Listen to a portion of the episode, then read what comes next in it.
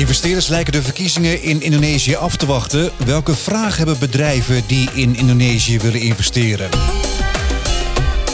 De Indonesië-podcast. Edwin Mooibroek. Welkom bij een nieuwe aflevering van de Indonesië-podcast. De gast is eh, Hans Vriends, oprichter en eigenaar van Vriends Partners. Dag Hans. Ah, hallo Zin. Jullie hebben kantoor in onder meer Indonesië, Singapore, Maleisië, Washington. Wat doen jullie precies als uh, Vriends Partners? Uh, ja, we zitten in heel Zuidoost-Azië, in Latijns-Amerika. Wij zijn eigenlijk, uh, wow, we zijn met 150 man we zijn gespecialiseerd in government affairs, public policy. En dat betekent dat we eigenlijk grote bedrijven helpen om beter met de overheden te werken in, in deze landen. Maar beter met de overheden te werken, hoe bedoel je dat? Nou, kijk, de overheden hebben bepaalde uh, doelen, zoals bijvoorbeeld uh, energietransitie of gezond, betere gezondheidszorg, uh, recycling van, van plastic. En welke rol kunnen bedrijven daar spelen en hoe kunnen ze goed daarmee samenwerken met de overheden? En, en, en, wat, voor, wat voor beleid is er ook nodig om dat soort dingen te bewerkstelligen? Want de overheid maakt beleid, maar vaak moet het worden uitgevoerd door de private sector en hoe kunnen die twee het best uh, samenwerken? Een soort lobbyist eigenlijk ook. Ja, dat is een heel onbeleefd woord in deze regio. Ja, is dat zo? Ja, absoluut. Want dat zullen we nooit gebruiken. Het wordt geassocieerd met, met, met tassen, met geld. Dat is het spel wat wij, wij natuurlijk eh, helemaal niet kunnen spelen. Uh, dus hier is het meer, meer praten met de overheid en praten met de deskundigen. Want vaak in deze landen is de kennis over de, of is de afstand natuurlijk tussen de overheid en buitenlandse bedrijven, en of ze nou uit Japan komen of uit Amerika of uit Nederland, vaak veel groter dan natuurlijk uh, als je in het binnenland zit met binnenlandse bedrijven en alleen al uitleggen hoe het in elkaar zou kunnen zitten en hoe je ermee kan werken, is een, uh, vaak al een grote opgave voor, uh, voor veel bedrijven. Mm -hmm. Ook omdat deze landen is er eigenlijk helemaal niet, nergens is er eigenlijk worden bedrijven om een mening gevraagd als het gaat om beleid. Nee, oké, okay, het wordt opgelegd en dan moet je eraan voldoen. Ja, dat is juist. Ja. Ja. Je woont al sinds 1990 in Azië, ooit begonnen ook als correspondent, hè? Absoluut, in, uh, in Hongkong. Ja, ja, ja, ja, dat is inderdaad. Ja. 33 jaar geleden als, als Azië-correspondent begonnen in, uh, in, uh, in Hongkong. Ja, nou, er is nog hoop voor mij dus. wie, wie, wie, wie zijn jullie klanten? Wij, onze cliënten zijn, zeg maar, denk maar aan de, de 100, 200 grootste bedrijven uh, ter wereld. En in de, dus, dus als het gaat over energietransitie, zijn het vooral hele grote ontwikkelaars uit, uit Noorwegen en Denemarken die grote offshore windparken willen bouwen. Uh, techbedrijven uit Amerika, maar ook uit, uit Nederland. En eigenlijk bijna alle sectoren waar, uh, waar uh, die te maken hebben met overheid. De enige sectoren waarin we niet in werken en niet willen werken zijn sigaretten en kolen. Want dat is gewoon principieel. Dat is juist. Ja, ja daar hebben we principieel besloten, dat, daar gaan die, die gaan we niet helpen. Nee. Want uh, dat is niet in lijn met, met, met als je zegt dat je een betere wereld wil... dan moet je misschien niet proberen om, om, de, om de overheden meer, meer kool te laten gebruiken. Ja, en dan komt het bedrijf bij, bij jullie. En wat doen jullie dan voor hen? Ligt aan wat de vraag is. De vraag is vaak, uh, we hebben een, probleem. En soms zitten ze er niet. Soms zitten ze er al uh, al honderd jaar. Maar het is natuurlijk voor, voor buitenlandse bedrijven... die zijn vooral bezig, of bedrijven het algemeen... Met, uh, met het maken van wat, of het verkopen van wat... maar zijn niet zozeer bezig om te begrijpen... hoe overheidspolitiek invloed op hen kan, kan uitoefenen hoe dat te begrijpen. En laat staan om met die overheden te praten over hoe dat er wellicht uit zou kunnen zien. Mhm. Soms is er een probleem. In Indonesië zijn vaak problemen, want daar is de overheid niet noodzakelijkerwijs heel erg uh, investeerdersvriendelijk, om het zo te zeggen. Uh, dus dat kan variëren dat plotseling er een wet uh, dreigt te worden aangenomen dat een bedrijf wordt onteigend. Maar het kan ook zijn dat, dat het gaat over een, een grote investeringen, wat je nu natuurlijk veel ziet, is dat veel bedrijven eh, niet langer fabrieken willen bouwen in China. Maar dan is de vraag: oké, het is niet China, maar dan wel in Azië. Wordt het dan Vietnam, Indonesië of Maleisië? En wat zijn de voordelen van de verschillende landen en hoe kunnen we het beste met die overheden daarover eh, praten? Ja, en daar adviseren jullie dus inderdaad. Is er veel concurrentie eigenlijk op, op, op het gebied wat jullie doen? Ehm, nee, eigenlijk al, nou, niet heel veel. Uh, misschien één, twee bedrijven. En alle, al onze concurrenten zitten in en, en, komen uit, uit Washington. Er spelen geen Europeanen enige rol in, uh, in deze sector. Hoe kan dat? Traditioneel gezien uh, is deze industrie, dat is natuurlijk de lobby-industrie, is natuurlijk veel ontwikkelen, meer ontwikkeld in, in Amerika. Als je kijkt naar Amerikaanse bedrijven, die hebben allemaal hebben zijn hoofd, uh, government affairs, public policy, zit in Washington en is er veel meer gewend dichter bij de macht. En Amerika blijft steeds ook een mondiale macht om, uh, om ook met andere overheden te werken. En voor, voor Europeanen en ook voor andere Aziatische landen is dat een heel nieuw spel. En dus de Amerikanen lopen duidelijk voorop. En dat, het, onze concurrenten traditioneel bestonden eigenlijk uit bedrijven waar veel oud Amerikaanse ambassadeurs werkten, die dan wel uh, zeiden dat ze die problemen voor de Amerikaanse problemen in de andere landen konden oplossen. En wij hebben een heel ander model, want wij hebben kantoren in al die landen. Ja, jullie adviseren dus eh, bedrijven. Stel nou een bedrijf wil investeren in Indonesië. Wat zijn dan meestal de vragen die ze hebben? Kijk, uh, dat ligt een beetje aan, aan, aan, aan de sector. en dan ga je vaak praten met een uh, met een, eh, dat heet in Indonesië de BKPM. Dat is de autoriteit die gaat over het aantrekken van buitenlandse investeringen. er is groot interesse in Indonesië om twee redenen. Dat is A, het is natuurlijk een grote markt. Hè. Met 260 miljoen mensen is natuurlijk heel veel. Ja. En Indonesië heeft een aantal cruciale grondstoffen.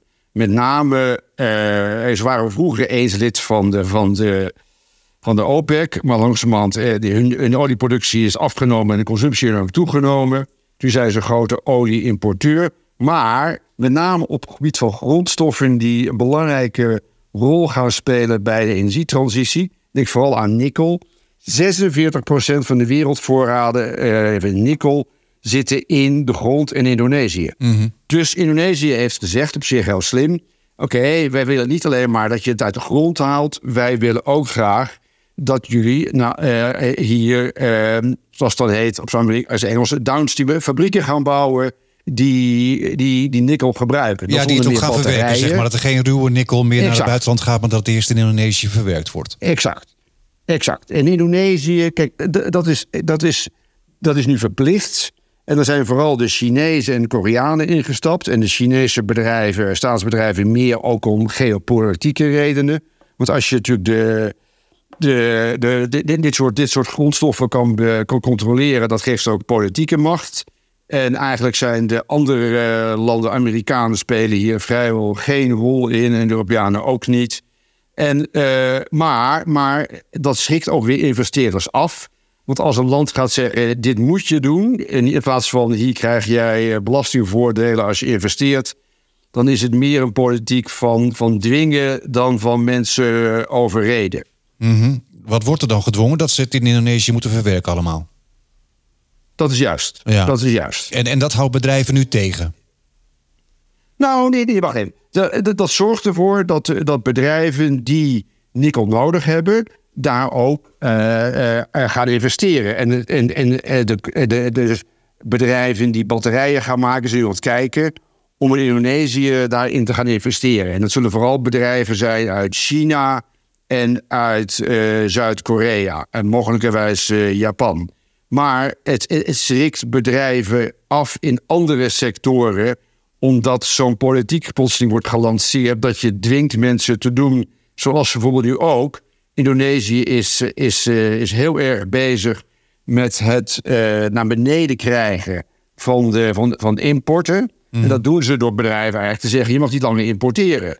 Maar dat betekent ook als jij importeert, bepaalde producten importeert, om die vervolgens ergens in te stoppen, om weer te kunnen exporteren, Ja. dat kan ook niet meer. En dat soort politiek, dat, dat, is misschien, dat lijkt goed op korte termijn, maar het schrikt mensen af omdat je plotseling niks meer kan importeren en ook daardoor niks meer kan produceren om te exporteren. Ja, maar Indonesië wil juist graag buitenlandse investeerders aantrekken. Maar als ik jou zo hoor, dan is het investeringsklimaat op dit moment helemaal niet zo heel goed. Nee, dat is ook nooit zo goed geweest. Het is, onder Jokowi wel iets beter geworden. Uh, maar als je het vergelijkt met de omliggende landen, vooral Vietnam en, en Maleisië en nu zelfs de Filipijnen. En laat staan Singapore, maar dat speelt, een andere rol. Die landen zijn veel, veel vriendelijker, veel meer gericht op het aantrekken van, uh, van, van bedrijven en fabrieken dan, uh, dan Indonesië. Indonesië heeft zoveel uh, investeringsgolven gemist. Zo zullen ze nu ook weer de investeringsgolven missen die uit China komt. En ook, ook met name, uh, noem je dat, semiconductors, chips.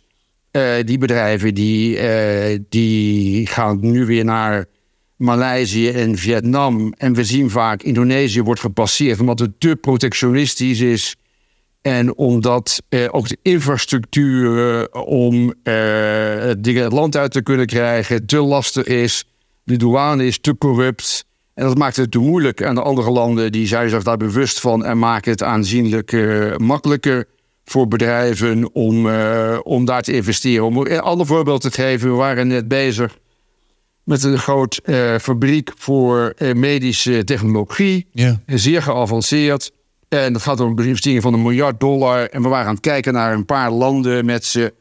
Kijk, in, uh, in uh, Maleisië uh, komt er direct komt de premier Onwa Ibrahim erbij. En in Indonesië hebben ze een minister van Investeringen, die kan niet eens Engels praten. Dus dan maakt je toch gewoon een minder goede indruk op deze Amerikanen. En daardoor ging je de moeite kan nemen om, om hun taal te spreken. Nee, dat gaat ook. Het gaat zeker niet in Indonesië, dat, dat, is, al, dat is al zeker. Ja, maar, maar je zegt Indonesië heeft er meerdere investeringsgolven gemist. Maar toch is dat gek. Ik bedoel, je hoort al jaren van... we willen heel graag buitenlandse investeerders. Het gaat alleen maar om buitenlandse investeerders binnen te halen. Ja, ik, maar, maar het gaat niet om wat mensen zeggen. Het gaat om wat mensen doen uiteindelijk. Dus Jacobi zou wel misschien meer gewild hebben... en zijn, zijn omnibuswet om inderdaad het, het makkelijker te maken... voor, voor het bedrijfsleven zit wel, zet wel enige zoden aan de dijk. Ja, die is drie jaar geleden ingevoerd. Hè? Dat moest banen opleveren en inderdaad investeerders aantrekken. Het moest allemaal makkelijker worden. Ja. Maar het is niet gebeurd? Nou ja, nee, wacht even. Eh, eh, eh, het, kijk, Indonesië, de tragedie van Indonesië is dat het zou veel en veel beter kunnen. het, het is, maar, het, maar het is ook geen ramp. Kijk, met 5% groeien is niet slecht. Maar uh, het zou. Het, Indonesië is natuurlijk geen Venezuela. Maar mijn punt is, als je kijkt naar, naar Maleisië, twee landen met elkaar vergelijkt. Waarom is het dan Maleisië, wordt de rode loper uit, uh, uit, uh, uitgerold en vraagt de overheid: Oké, je willen een fabriek hier bouwen voor medische technologie. Mm. Wat voor mensen heb je nodig en wat voor opleiding heb je nodig? En hoe kunnen we daarbij helpen? Dat zijn vragen die in Indonesië nooit gesteld zullen worden. Nee. Dus het is een stuk moeilijker. Ja. Maar maar als je natuurlijk kijkt naar bedrijven, hè, de Unilevers van deze wereld, waarvoor natuurlijk Indonesië een hele grote markt is, dat zijn bedrijven die heel prominent zijn in, uh, en zeer succesvol zijn. Dus het ligt er meer aan of je daar investeert voor de lokale markt, die natuurlijk waar veel mensen zijn, of dat je Indonesië ziet als, uh, als, uh, als export, als e om exporteren. En daar is het veel moeilijker in en die bedrijven die kiezen eh, heel veel niet voor Indonesië. Ja, want inderdaad, je zei het al, bijna 300 miljoen inwoners, 260 nu ongeveer. Eh, ja, je zou inderdaad zeggen dat bedrijven nu staan te springen, want het groeit alleen maar. De koopkracht wordt natuurlijk steeds meer. Dus ja, de place to be nou. Ja, ja, maar dat ligt aan welke sector. Kijk, als je kijkt naar, uh, naar technologie. Indonesië is, uh, is met het gebied van e-commerce en technologie. mede misschien als gevolg van de remmende voorsprong van de slechte infrastructuur en de files. Uh, enorm ondernemend, een aantal goede techbedrijven. En dan zie je weer dat uh, vooral Chinese techbedrijven daarin investeren. Dus uh, Indonesië is, is aantrekkelijk in bepaalde sectoren. In andere sectoren helaas veel, veel minder. Ja, je zei het de afgelopen jaren is er inderdaad door president Jacobi ook flink geïnvesteerd in de infrastructuur. Hè? Je zou dan zeggen dat het voor buitenlandse bedrijven makkelijker is. Maar ik bedoel, van die hele regio, is Indonesië dan het moeilijkst? Ja, dat is juist. Van de hele regio? Nou ja, Myanmar is helemaal een drama. Nu nee, hebben we even niet over.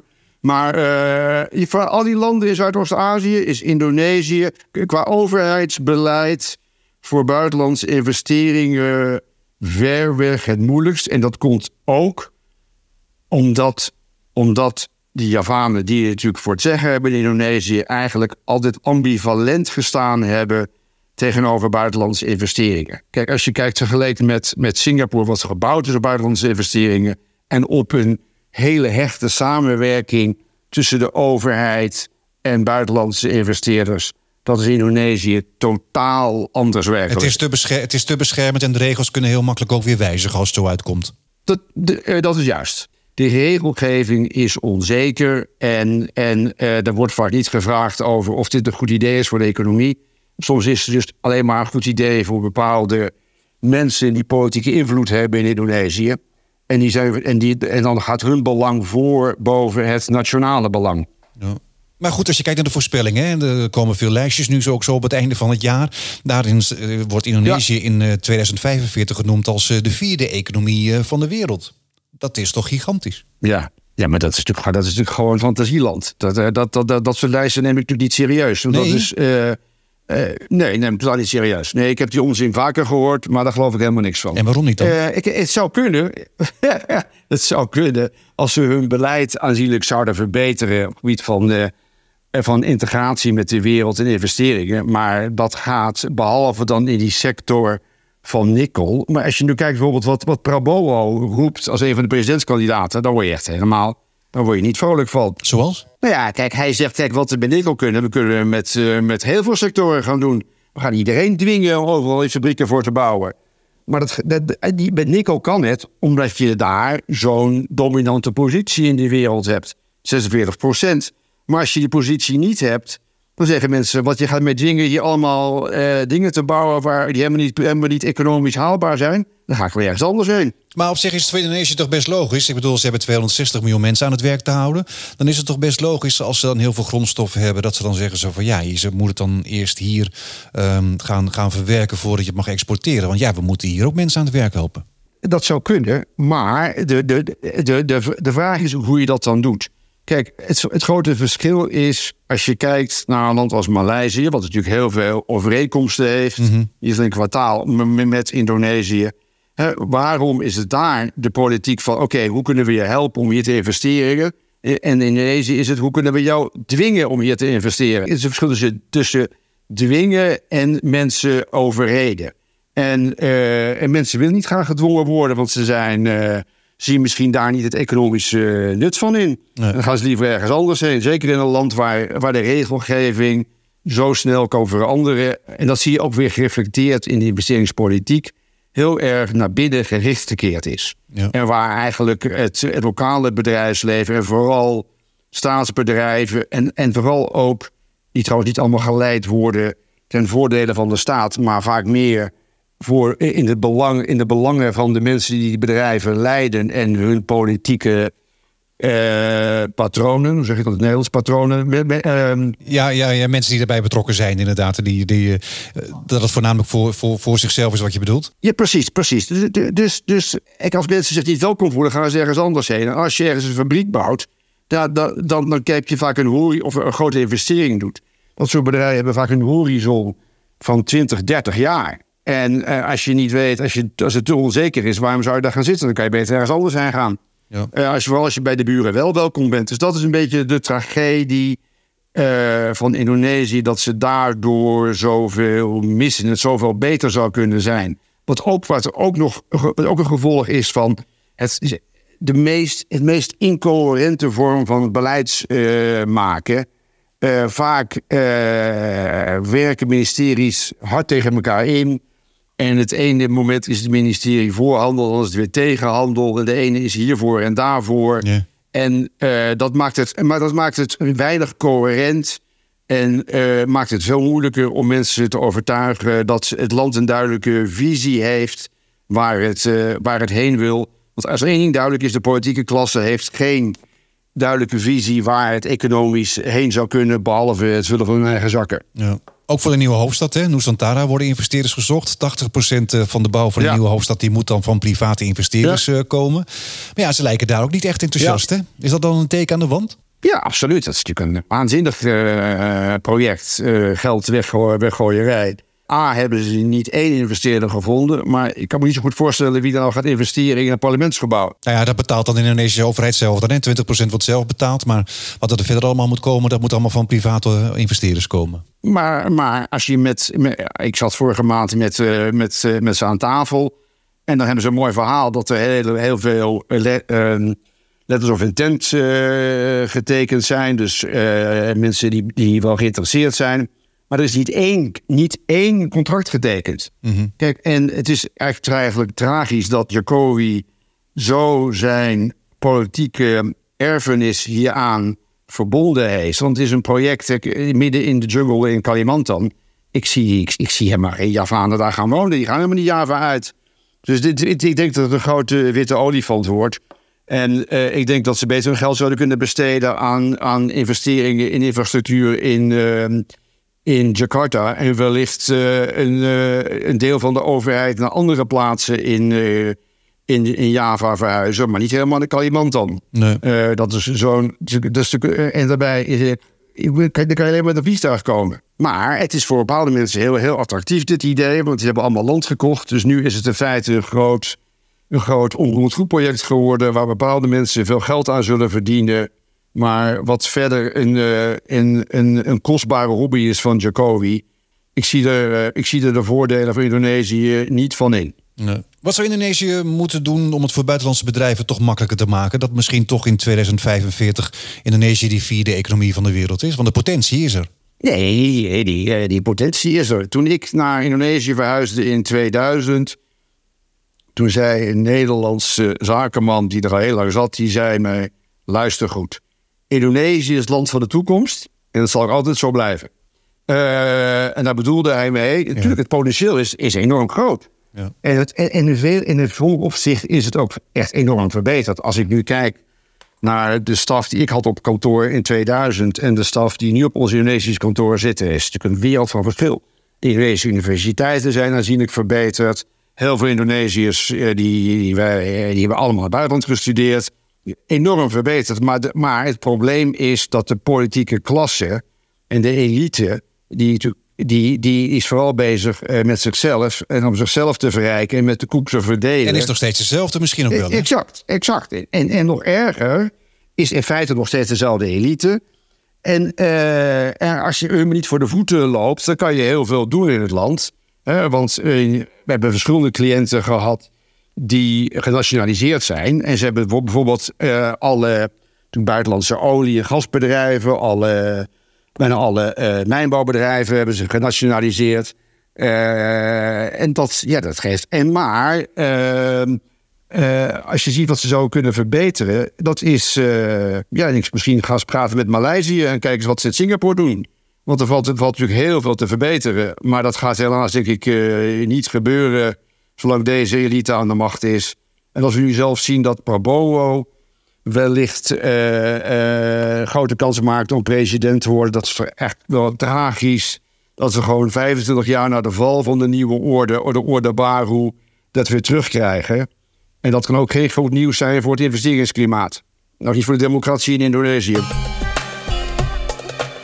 Ja, dan zijn we dus inderdaad uh, aanbeland bij die uh, presidentsverkiezingen in, uh, in februari. Ja, Probowo staat dus bovenaan in die peilingen. Zijn voorsprong wordt eigenlijk steeds groter. Hij maakt dus de meeste kans om die verkiezingen te winnen. Ja, wat, wat, wat zou dus het inderdaad betekenen als hij president wordt? Het is... ik denk dat het, het is tragisch. Really tra tragisch. Hij is natuurlijk een man... Hij, hij, hij, wordt, hij, hij is zo populair, vooral bij de jongeren omdat hij zo goed kan dansen op TikTok. Dit is een inhoudvrije verkiezingscampagne. Ja. En als je natuurlijk kijkt waarvoor hij staat. Hè, als, uh, als oud-generaal onder, onder Suharto, die toch uh, mede schuldig is aan het ontvoeren, martelen en zelfs vermoorden van, uh, van studenten. In 1998, ja. Ja, in 98. En ze ook, ook huisgehouden heeft in Oost-Timor. Als je natuurlijk hoort, als je die man hoort praten. Hij deed het trouwens heel slecht tijdens het eerste debat voor deze week. Mm Kijk, ik, ik, zag hem, de laatste keer dat ik hem zag was op de, was, hier was op de Shangri-La dialoog, in, de dialoog in Singapore. En dat, was, dat, dat is een, een conferentie van allemaal ministers van defensie uit Azië. Yeah. En hij ging daar staan en hij ging de staatsman uithangen. En en hij ging, het, hij ging het vredesplan voor Oekraïne presenteren. Terwijl de president en het ministerie van Buitenlandse Zaken niet op de hoogte was, hè? Exact, maar het, het, was het vredesplan van Poetin. Ja. En wat hij presenteerde. Dus dat was, deze zaal viel gewoon stil. Dat was gewoon niet te geloven. Iedereen was gechoqueerd. Dat de minister van Defensie van Indonesië hier gewoon het, het, plan van Poetin gaat herhalen. Uh, het was ook nou niet in lijn natuurlijk met wat de minister van Buitenlandse Zaken voorstaat.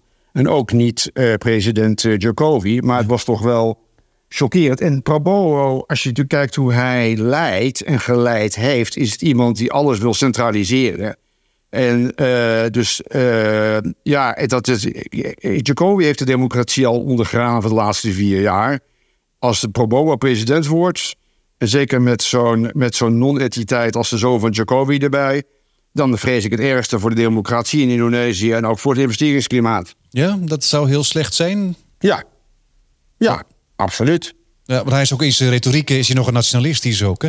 Ja, maar kijk, hij heeft alleen maar over dat de buitenlanders er zijn om het land leeg te halen en moeten ze eruit zetten. En we hebben ze niet nodig. Weet je, dat, dat, dat zijn allemaal, allemaal uh, populistische retoriek. Als Indonesië één ding nodig heeft, is het meer integratie. En, uh, en meer buitenlandse investeringen in plaats van, uh, van minder. Ze hebben ook meer democratie nodig dan wellicht, uh, dan wellicht minder. Ja, het is tragisch te zien dat, dat mensen hebben... De jonge generatie heeft natuurlijk nooit de nieuwe orde van Suharto meegemaakt. En die zien democratie, wat daarna gekomen is... als, als natuurlijk een beetje een ook veel corruptie op lokaal niveau... Dat is ook allemaal zo en dat kan verbeteren. Maar om terug te gaan naar een, uh, generaalsbewind, nou ja, dat is te sterk. Uh, hij is natuurlijk een oud-generaal. Uh, maar mensen die niet voor een democratisch systeem staan, dat is denk ik, dat is denk ik zeker niet de oplossing. En dat kan wellicht schade, veel schade berokkenen. Het is ook tragisch om te zien natuurlijk iemand die twee keer de verkiezingen heeft verloren van Jacobi, dat hij nu wellicht dankzij de steun van Jacobi de verkiezingen gaat winnen. Ja. Maar, maar hoe belangrijk is eigenlijk voor het internationale bedrijfsleven dan wie de president is? Want ja, ik bedoel, ook onder Suharto was er economische groei. Nee, ik heb geen. Eh, juist. Want uh, Suharto, kijk, uh, Sukarno voor hem. Uh, die was natuurlijk verdaald geraakt in zijn nationalisme. En die economie kon niks, in, niks in, in interesseren. Suharto heeft natuurlijk uh, de eerste twintig jaar heel hard gewerkt aan de economie. Mhm. En vooral met uh, aan de hand van, kijk, wat zijn, waarom haal je buitenlandse investeringen binnen? Omdat je buitenlandse kennis nodig hebt. En daarmee kan je ook je eigen, eigen bedrijfsleven op een hoger niveau tillen. Dat heeft Suharto heeft de, de deur wijd opengezet en heel veel buitenlandse bedrijven eh, binnengehaald. En daardoor werd eh, Indonesië ook lid van de OPEC, omdat ze plotseling zoveel olie gingen eh, produceren. Maar dat is de laatste, de laatste jaren van zijn bewind is dat ook helemaal verzand geraakt in de, in de, in de corruptie van zijn familie. Mhm. Maar de tragedie is dat hij te lang gebleven is. En, en, en, dat die openheid uh, ten aanzien van uh, uh, buitenlandse investeringen daarna eigenlijk verdwenen is, althans zoek geraakt is in chaotisch overheidsbeleid. Ja. Maar is, maakt het uit voor het bedrijfsleven wie dit dan de president is? Absoluut. Want, eh, want, want de president zet de toon. En de president in Indonesië is er niet voor om linten door te knippen. Maar is wel degelijk de hoofd van, het, het uh, van de overheid en uh, van de regering. En, en, uh, en zal ook dus zijn ministersploeg zou heel sterk afhankelijk zijn van wie de, uh, wie de president is. Als, uh, als Anis Baswedan de president zou worden, daar zitten mensen bij die, die wel in het buitenland hebben rondgekeken en veel meer verlichte ideeën hebben over de toekomst. En want die zijn nu ook bij Jacobi. Dus een enorme scheiding eigenlijk in de overheid.